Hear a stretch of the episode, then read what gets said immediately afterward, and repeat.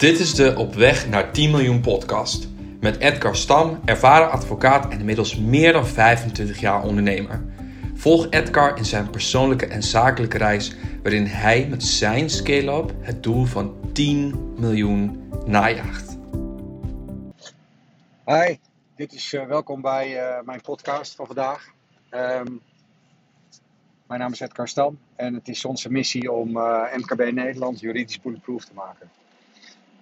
Nou ja, dat doen we op allerlei manieren. En we verzinnen iedere week nieuwe manieren.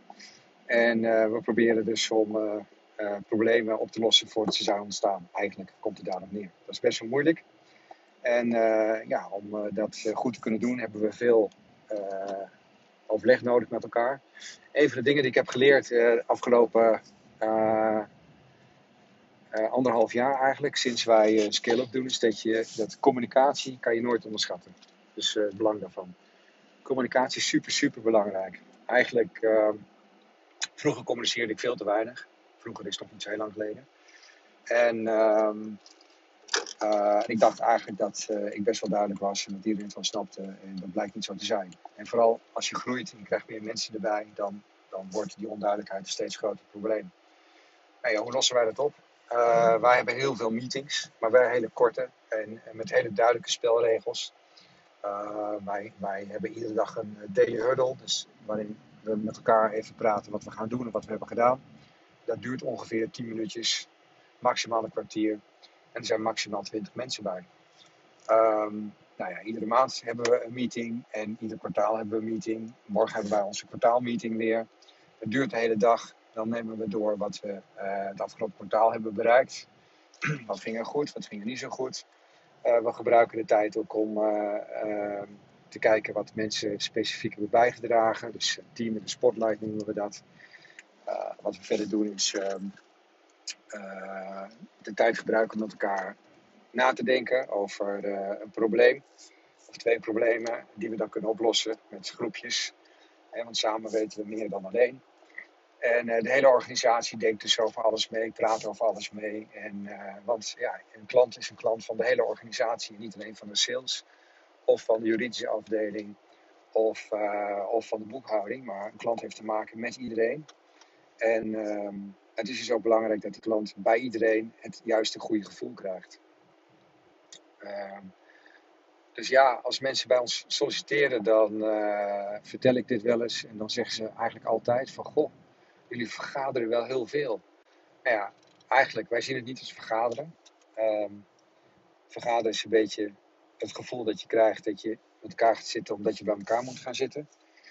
Maar uh, ja, wij, wij, onze meetings hebben altijd een heel duidelijk doel en een structuur. Dus uh, eindigen ook altijd met een uh, lijstje met afspraken. en beginnen eigenlijk altijd met ja, wat hebben we de afgelopen weken allemaal bereikt. Dus het is, niet, het is vooral eigenlijk een soort van voortgangscheck. En, en ook een oplossingsinventarisatie check. Klinkt allemaal ingewikkeld. Maar je gaat met elkaar kijken van uh, oké, waar lopen we aan? Wat moeten we met elkaar bespreken om op te lossen? Om, om verder te kunnen. En uiteindelijk weten we, dat hebben we in die kwartaalmeeting besproken, waar we met z'n allen die drie maanden naartoe werken. Want dat is het doel dat we elk kwartaal samen hebben vastgesteld. Dus die meetings hebben eigenlijk altijd een hele duidelijke ehm, missie, namelijk zorgen dat je dat doel bereikt. En hoe ga je dat dan focussen ook? Hoe ga je, dat is eigenlijk het woord dat ik zocht, hoe ga je dat dan bereiken? Um, nou ja, de komende kwartaal gaan we het hebben over, uh, vooral gaan we zijn ontzettend bezig met online producten. Um, dus uh, wat, kun je, wat kunnen wij voor, voor MKB'ers doen, uh, ondernemers, op zo'n manier dat ze eigenlijk juridisch advies um, veel minder nodig hebben. Dat ze ook veel minder hoeven te betalen, dat het allemaal veel makkelijker wordt. En uh, ja, een van de dingen waar wij altijd tegenaan... Wij lopen tegen heel veel standaard dingen aan namelijk. Hè? Dus, dus die kun je allemaal best uh, ook gestandardiseerd online zetten. En uh, wij zijn niet zo van uh, wat we dan noemen de witte jassen mentaliteit. Dat wij eenvoudige dingen heel ingewikkeld maken. Want oh, daar worden wij belangrijk van om dat te doen. Nee, als het simpel is, dan noemen we het ook simpel. En uh, als je het gewoon uh, door iemand zelf kan laten doen, dan moet je het ook vooral niet laten. Dat neem je weg als iemand het heel graag uh, door ons wil laten. Dat is natuurlijk ook hartstikke prima. Maar we geven mensen graag de keus. Wil je het zelf doen? Wil je dat wij het doen? Ja, en alles zit er voor- en nadelen. En ja, dus heel, veel, heel veel van die standaard dingen die komen we, komen we tegen. Die gaan iedere keer weer fout. En een van de dingen waar we nu mee bezig zijn is algemene voorwaarden. Ehm, eigenlijk heeft ieder bedrijf, merk ik toch iedere keer weer, ieder bedrijf heeft behoefte aan, nou ja, eigenlijk niet eens behoefte, ieder bedrijf heeft algemene voorwaarden nodig. Nou, de meeste bedrijven hebben dat ook wel. Die, uh, ja, wat ze dan hebben is weer een ander verhaal. Hè? Want de meeste, heel veel, niet de meeste, maar heel veel bedrijven die knippen en plakken het dan bij elkaar. Of die kopiëren het van uh, de conculega, zoals ze dan zeggen. Of ze gebruiken branchevoorwaarden, dat is al beter, maar nog steeds niet optimaal. En, um, nou, en die, die doen er dan iets mee. Eigenlijk weten ze niet zo goed wat ze ermee doen, hè? maar we zetten het op een website. Maar ook dat gebeurt heel vaak niet drukken het achter op een factuur. Maar ja, dat wordt lastig nu je steeds meer online factureert. Dus ja, ergens hebben ze dan algemene voorwaarden. Uh, maar ja, wat moet je er eigenlijk mee doen? Hè? En hoe zit het dan? En wat, uh, waar werkt het dan voor? Et cetera, et cetera. Nou, er is heel veel onduidelijkheid over, merk ik. Het begint er eigenlijk al mee. Onduidelijkheid nummer één. Het aller, allerbelangrijkste en allergrootste valkuil is dat echt meer dan de helft van de bedrijven, wat ik zie, echt meer dan de helft, heeft voorwaarden, maar die gelden helemaal niet. En hoe komt dat nou? Omdat ze de voorwaarden niet van toepassing verklaren op de juiste manier. Dat is een beetje jargon. Maar in de wet staat dat je algemene voorwaarden van toepassing moet verklaren. Nou, er zijn spelregels voor hoe je dat moet doen. Dat moet voor of bij het aangaan van de overeenkomst. En, het moet, uh, en je, moet, je moet ze ter hand stellen. Nou ja, ter hand stellen in deze digitale wereld is natuurlijk niet letterlijk niet mogelijk, maar uh, kan natuurlijk wel door ze per mail toe te zenden. Uh, nou, dan krijg je het volgende weer. Uh, de, de, meeste bedrijven doen het eigenlijk helemaal niet. Hè. Die, die, uh, die zijn daar of te laat mee of ze doen het überhaupt niet. En daarnaast heb je natuurlijk het punt van, ja, dan heb je dat gedaan, hè, maar bewijs het maar eens dan digitaal. Want ja, ik heb die mail nooit gehad, of ik heb de mail wel gehad, maar de bijlage zat er niet bij. Nou, dat soort dingen. Dus hoe los je dat nou op? Uh, dat zijn dan de bedrijven die het wel toesturen. Dan heb je toch heel veel bedrijven die het niet toesturen of die de voorwaarden niet op de goede manier uh, beschikbaar maken. Nou, um, dus daar hebben we een toeltje voor in ontwikkeling. Uh, dat kan je gewoon zelf gebruiken. Check onze website www.htsz.nl en zoek even op algemene voorwaarden. Um, dan kan je binnenkort kan je daar, of inmiddels kan je daar dan gebruik van maken en kan je dat gewoon zelf oplossen.